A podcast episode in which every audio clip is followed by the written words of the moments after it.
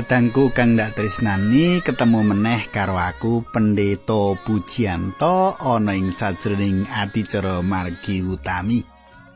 Tak suwun marang Gusti Allah panjenengan tansah binerkahan karo Gusti lan tansah kasinungan karahayun. Nah, sugeng midhangetake adicara iki.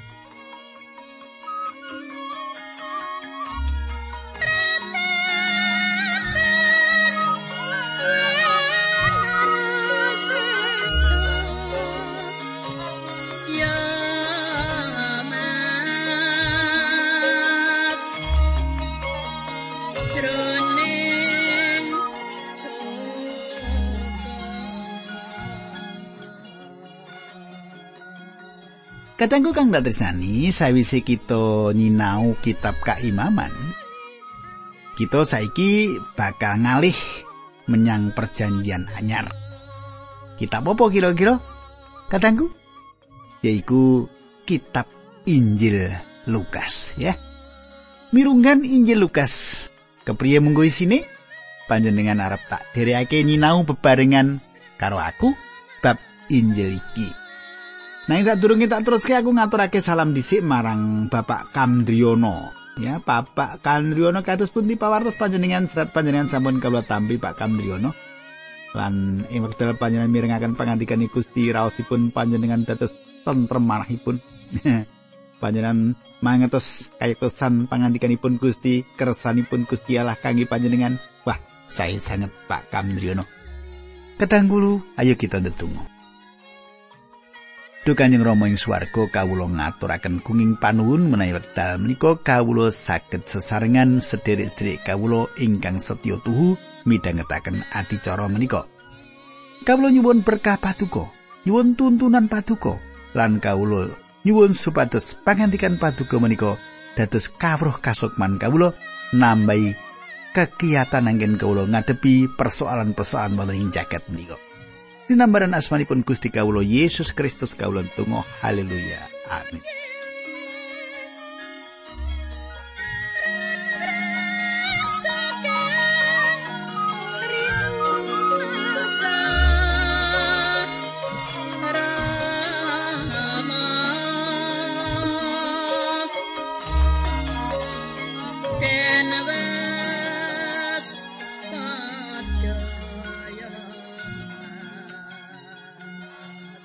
para pamirsa.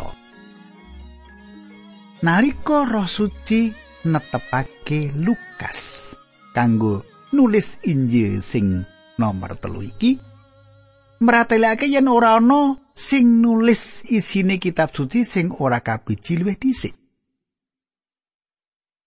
Ora akeh wong wicaksana sing kapilih katimbalan nulis kitab suci, nanging Lukas wis kawisuda nindakake iki.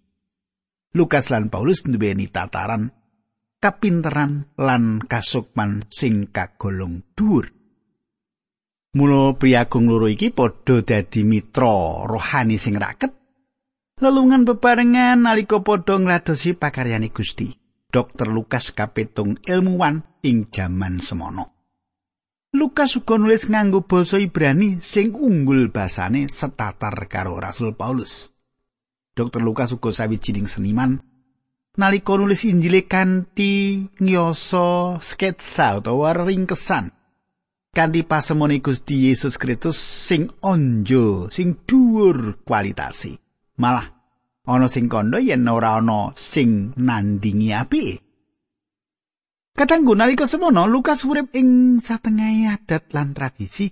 Lukas nyerat Injil iki kanthi perspektif kanthi paningal kanthi pamikiran Maryam ibune bayi Yesus. Iki neguhake panemu yen panulis Injil Lukas iki sumbere saka Maryam. Iki uga ngyakinake yen Lukas iku dudu bangsa. Dokter Lukas uga nulis buku Para Rasul sing meratelake yen Lukas iku mitra rohanine Rasul Paulus. Ing para rasul 16 ayat 10. Mangkene surasani. Bareng Rasul Paulus wis mirsani wahyu mau aku kabeh banjur padha ngarah mangkat menyang ing tanah Makedonia awit marga saka anane wahyu mau aku padha nemtokake yen Gusti Allah kang nimbali kakarsake nggelarake Injil marang wong-wong ing kono Kadangku Lukas lan Rasul Paulus nganakake peladusan bebarengan ing lelaku kapindulan sing kaping telu. Ing ayat iki lan sateruse Lukas nganggo ukarane wong katelu ing tulisan sebanjure dadi ing kene ing para rasul 16 yen Lukas nalika semono bebarengan karo Rasul Paulus nyabrang menyang Eropa. Lukas dadi wong pracaya jalaran peladosane Rasul Paulus. Coba panjenengan semak loro Timotius papat ayat 11. Loro Timotius papat ayat 11. Mangene surasani, mung Lukas sing isih tetunggalan karo aku, Markus petuenan ajaan mrene awit nggone leladi wigati tumrap aku. Sumitraku Romo Adam manungsa sing sepisanan dene Gusti Yesus sing manungsa kapindho. Kaya sing katulis ing siji Yohanan telu ayat loro mengkene surasani He para kekasih saiki kita padha dadi putrane Allah. Nanging durung cetha kepriye bakal kaanan kita ing tembe mung wae kita padha sumurup menawa Sang Kristus ngetingal kita bakal dadi padha karo panjenengane amarga kita bakal padha ndeleng kaanane panjenengane ing sejatine. Mengkono pangandikane Gusti Mula Sang Kristus manungsa sing kapindho lan panjenengan iki sing diwestani Adam sing pungkasan. Siji Korinta 15 ayat patang puluh limo. Tak waca nganti tekan patang puluh pitu. Siji Korinta 15 ayat patang puluh limo. Kaya kang tinulis wiraose manungsa wiwitan Adam iku dadi titah kang urip. Adam kang wekasan iku dadi sukma kang nguripake. Ana dene kang dhisik tekane iku dudu kang kasukman nanging kang kajiwan sawise iku nuli kang kasukman. Manungsa kang kawitan iku asale saka lemah sarta asipat katunyan dene manungsa kang kapindo asale saka ing swarga. Kadangku Gusti Allah nyiptakake manungsa sing memper karo kahanane Gusti Yesus. Nyedai abad 19 ana paham was-was mangu-mangu sing anjrah ing daratan Eropa lan malah wis mlebu ing pulo-pulo ing Inggris. Padha cuwa marang paham optimisme sing dihasilake saka Victoria. Ing taun sangang puluhan ana paham kelompok gay, jalaran saka nggone duwa mbrontak marang paham sing wis ana nalika iku. Mula akeh para ahli, para pakar neliti kanthi tememen apa sing dadi isine kitab suci sing wis tau dadi buku paugeran ing abad Victoria. Sinadan durung kanthi tetek atine isih ragu-ragu pangilut bab isine kitab suci tetep ditindakake. Ana pakar sing unggul sing pinter banget brilian saka Cambridge jenenge William Ramsey. Ramsey ku arkeolog nanging uga agnotis sing duweni karep kanggo nglawan isine kitab suci. Ramsey ngerti yen Lukas nulis sawijining catatan jarah bab Yesus Kristus sing Injili? Lan nulis bab nggone Rasul Paulus nganakake panyebaran Injil ing buku Para Rasul. Ramsen duweni pengalaman. Yen akeh hal sejarah sing mung apus-apus wae lan wani ndumuk yen ana si tukang omong kosong. Ana ahli kontemporer Will lan Ariel Duran sing nulis saka hasil panaliti patang puluh tahun lawase nyinau bab rong puluh peradaban sing nyakup wektu patang ewu tahun. Ngene komentare sing ditulis sing buku The Lessons of History, yaiku kawruh iki to ing jaman kepungkur pancen ora apa-apa. Malah ora pas. Ditutup nganggo bukti sing mangro tinggal, ambivalent, lan para ahli sejarah sing subjektif, malah bisa kena pengaruhi kasetyan sing sipate mbilo kapentingane negara lan agama. Mula hasil sejarah mung kira-kira wae ora padha karo kahanan sing sak beneri. Katangku iki uga dadi sikepe William Ramsey nalika lunga menyang Asia cilik kanggo nglawan Dr. Lukas sing nulis sejarah Sang Kristus sing Injili. Kanthi ngati-ati dheweke nliti pangumbarane Rasul Paulus sing peladosane ing Asia kecil apa hasil kawusanani. William Ramsey nyimpulake yen sejarah sing ditulis dening Lukas ora ana siji wae kesalahane. Mula jalaran saka nggone nglawan marang Injil lan neliti kanthi permati wusanane William Ramsey dadi wong sing manjing percaya. Sawise iku William Ramsey nuli-nulis sawetara buku bab lelakune Rasul Paulus lan tuwing gereja-gereja ing Asia cilik. Luar biasa toh? Buku mau diwaca kepenak nanging isine bukti sejarah. Saka patang Injil ing kitab suci Injil Lukas sing paling pepak isine. Akeh isine sing nyangkut luwih jembar tebane ngenani lembaga, adat, ilmu bumi lan sejarah ing wektu iku. Andarane luwih pepak ketimbang Injil liyane tujuan sing kapindho asipat rohani Lukas beberake kepribadian Gusti Yesus sing jumeneng jejere manungsa ilahi sing sempurna lan kalenggahane minangka juru wilujenge jagat. Gusti Yesus iku sejatine Allah sing maujud kanthi daging. Injil Matius nggarisake yen Gusti Yesus iku abdine Yewah Allah. Lukas nggarisake yen Gusti Yesus iku sejatine Allah sing manjalmu dadi manungsa sing sempurna. Yohanes beberake yen Yesus Kristus iku Allah sing manjalmu dadi manungsa. Nanging andarane Yohanes ora nganggo dasar ilmiah. Dene Dr. Lukas neliti yen Yesus sing saka Nazaret iku nyoto-nyoto Allah. Senajan carane nyatakake panemu beda nanging Lukas lan Yohanes padha panemune yen Yesus iku Allah. Matius panulisi ada dasar yen Gusti Yesus iku juru wilujeng.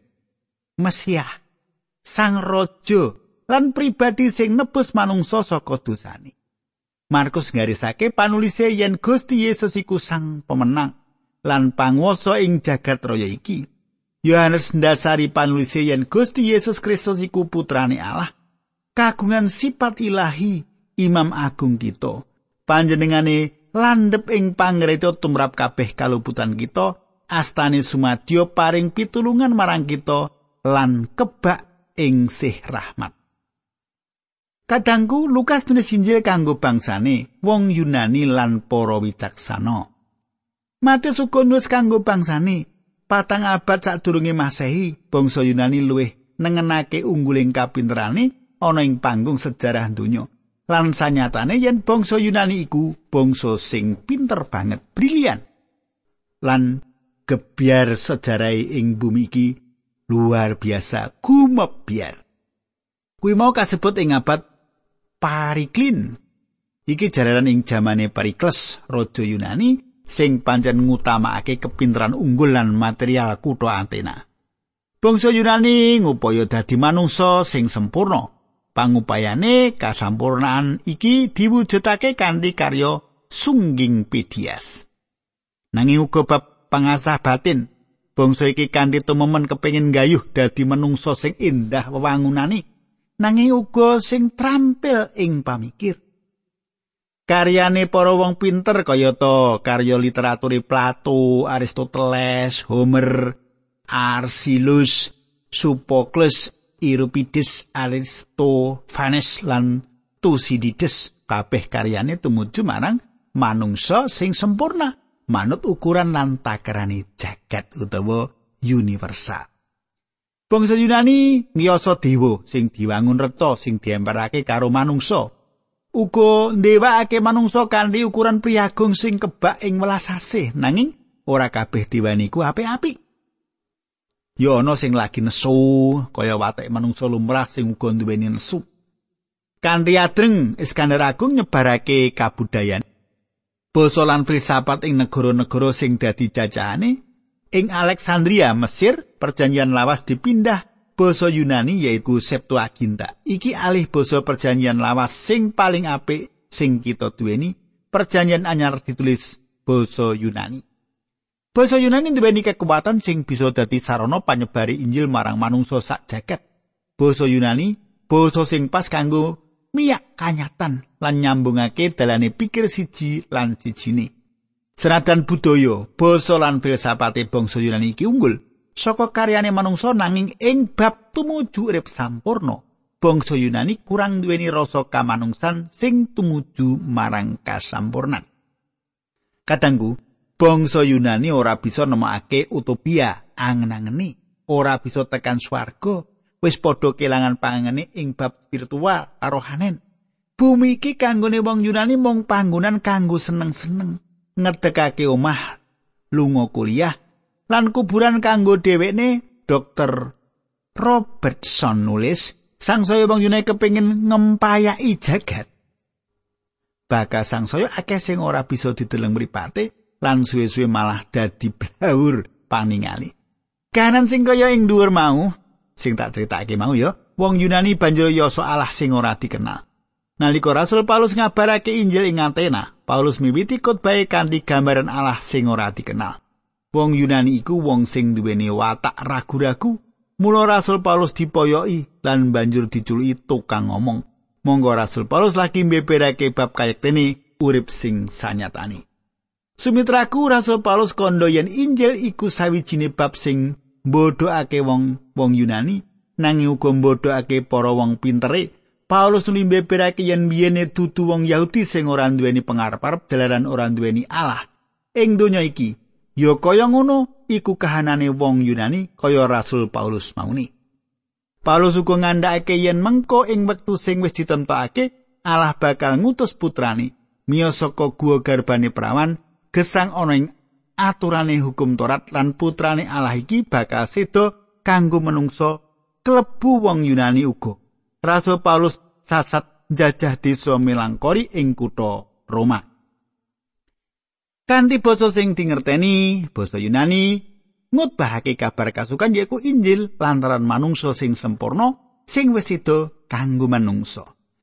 Katanggu agamane wong Yahudi ngasilake wong-wong sing dadi parisi panguasane Romawi ngasilake kaisar, raja diraja lan falsafah Yunani. Ngasilake wong sing kaya Iskandar Agung sing durung dewasa atine. Yo marang para ahli pikir Yunani iki Injil Lukas ditulis. Lukas sang dokter iki njelasake ing Injil bab Gusti Yesus. Manungsa sempurna. Yo manungsa sempurna iki sing pribadine digandruni dening bangsa Yunani. Angka siji senajan Injil Lukas iki sebagian saka Injil sinoptik Injil iki isine pepak nulis bab-bab sing wis diilangi saka isine Injil Matius lan Markus. Loro Dr. Lukas nulisake kanggo kita kidung nata. Telu Dr. Lukas nyritakake bab Yose Gusti Yesus lantaran perawan Maryam sing ditulis paling akeh ing pasal siji dan loro. Lukas njelasake kanthi gamblang miyose sang bayi Yesus Kristus. Dening Lukas ditulis sawijining keterangan sing cetha lan ora tedeng aling-aling bab lairi bayi lantaran perawan Maryam. ana ahli kandungan saka Universitas John Hopkins, Dr. Howard Kelly sing ngukuhake yen kalairane bisa wae kedadian saka ing pribadine perawan, bab iki nyanggah panemune sebagian para teolog pasar yen mokal ana perawan sing lairake secara biologis. Papat, Dr. Lukas nyritakake 20 mukjizat, 6 ing antarane ora ditulis ing Injil liyane. Limo, uga ditulis telulikur pasemonan molas ing antarane ora ditulis ing Injil liyane uga. pasanon bab anak sing ilang wong Samaria sing luhur ing buti iki Injil Lukas sing mirunggan ing Injil Lukas uga nyritake tindake Gusti Yesus menyang Emmaus sawise wungu saka antarane wong mati kuwi nuduhake marang kita yen wungune Gusti Yesus iku uga wungu secara badani ora wungu secara roh wae. Siji Korinta 15 ayat 44 Mangkene surasane kang kasebar iku badan kajiwan kang katengah iku badan kasukman. Yen ana badan kajiwan uga ana badan kasukman. Pitu sawijining sikep kamanungsan sing gamblang sing jelasake kamanungsane Gusti kita Yesus Kristus kanthi kamanungsan kasangsarane dijelasake kanthi gedene ati dening Dr. Lukas. Wolu Dr. Lukas luwih akeh nganggo basa-basa kedokteran tinimbang Hipokrat, bapak kedokteran ing jaman iku. Kadangku kita ngancek ing pasal siji Injil Lukas, sejarah Injil Lukas ditulis sadurunge Injil liyane. Wis patang atus taun lawase ora ana pawarto kaswargan sing tumetes sing bumi. Sawise iku lagi wae malaikat Gabriel tumedhak manggi Imam Zakaria ngabarake bab lair Yohanes Pembaptis. Lukas uga nyritakake bab kelahiran Yohanes Pembaptis lan uga wiyose sang timur Yesus Kristus ana tulung kidungan ing pasal iki. Siji, Elizabeth ketamon Maria ayat 42 tekan 45. Loro kidung pamejine Maria ayat 46 nganti 55. Telu pamecane Imam Zakaria ayat 18 nganti 79. Saiki coba panjenengan semak Lukas 1 ayat 1 nganti papat tak wacake. Mengkene surasani Sampun kathah tiyang ingkang sami ndapuk cariyos bab lelampahan-lelampahan ingkang dumados wonten ing kalangan kita. Kados dene ingkang sami kita tampeni saking tiang-tiang ingkang wiwit sekawit sami nyumerpi piyambak lan sami dados peladosing pangandika. Awit saking menika sasampunipun kula niti priksa sedaya kedadosan wau wiwit ing wiwitanipun kanthi saestu kekencenging manah kula lajeng kula ndadosaken buku ingkang isinipun tumata saha ingkang lajeng kula aturaken ing ngarsa panjenengan menika. Duh Sang Teofilus ing pangangkah supados panjenengan saged nguningani bilih sedaya ingkang sampun kawulangaken dhateng panjenengan menika saestu leres. Kadangku ana tembung wigati sing ora bisa ditinggalke ngono wae, seksi sing ndenangi kedadian iki ateges pancen ndeleng secara pribadi kedadian iku iki duweni teges ing kalangan kesehatan autopsi. Sabenere Dr. Lukas adeng anggone kepengin yakinake kita yen Lukas iki sing nyekseni kedadian sing diceritakake. Tembung liyane yaiku abdi sing ngladeni, kaya patrape tukang perahu sing melai praune. Dr. Lukas ngakoni yen gelare dokter iku mung kaya dene dokter muda sing dipimpin dening dokter agung. Dadi Dr. Lukas nindakake autopsi kanggo catetane para wong-wong sing nyeksekake sawijining kahanan. Injil iki wose kepengin mesthekake lan jelasake marang kabeh manungsa bab Gusti Yesus Kristus. Sepiro kemantepane penggalih panjenengan bab iki? Apa panjenengan pirsa yen panjenengan iki putrane Allah? Jalaran panjenengan pitados marang Gusti Yesus. Apa panjenengan pirsa yen isine kitab suci iku sabdane Allah? Akeh wong sing padha durung mangerti. Memelas. Apa penggali panjenengan isih mangu-mangu bab kawilujengane urip panjenengan? Ora kagungan imam sing santosa ing urip panjenengan. Coba panjenengan semak Rom 10 ayat pitulas. Dadine percaya iku tukule awet saka pangrungu sarta pangrungu iku marga saka pengandikane Sang Kristus. Katanggu, yen panjenengan paham isine kitab suci, panjenengan bakal dadi wong percaya sing sejati. Yen panjenengan ora pirsa isine kitab suci, panjenengan mesti bakal ngadepi perkara gesang panjenengan. Sing dadi perkara sing kita adepi dudu ing kitab suci ini utawa Gusti Yesus nanging ana ing pribadi kita. Monggo kita ndedonga. Dukan Rama ing swarga kawula ngaturaken kuing panuwun. Menawi wekdal menika abdi paduka sampun babar pangandikan kayektosan paduka minangka kawruh rohani tumrap sedherek-sedherek kawula menika. Paduka berkahi dinambaran asmanipun Gusti Yesus Kristus kawulon tunggu haleluya. Amin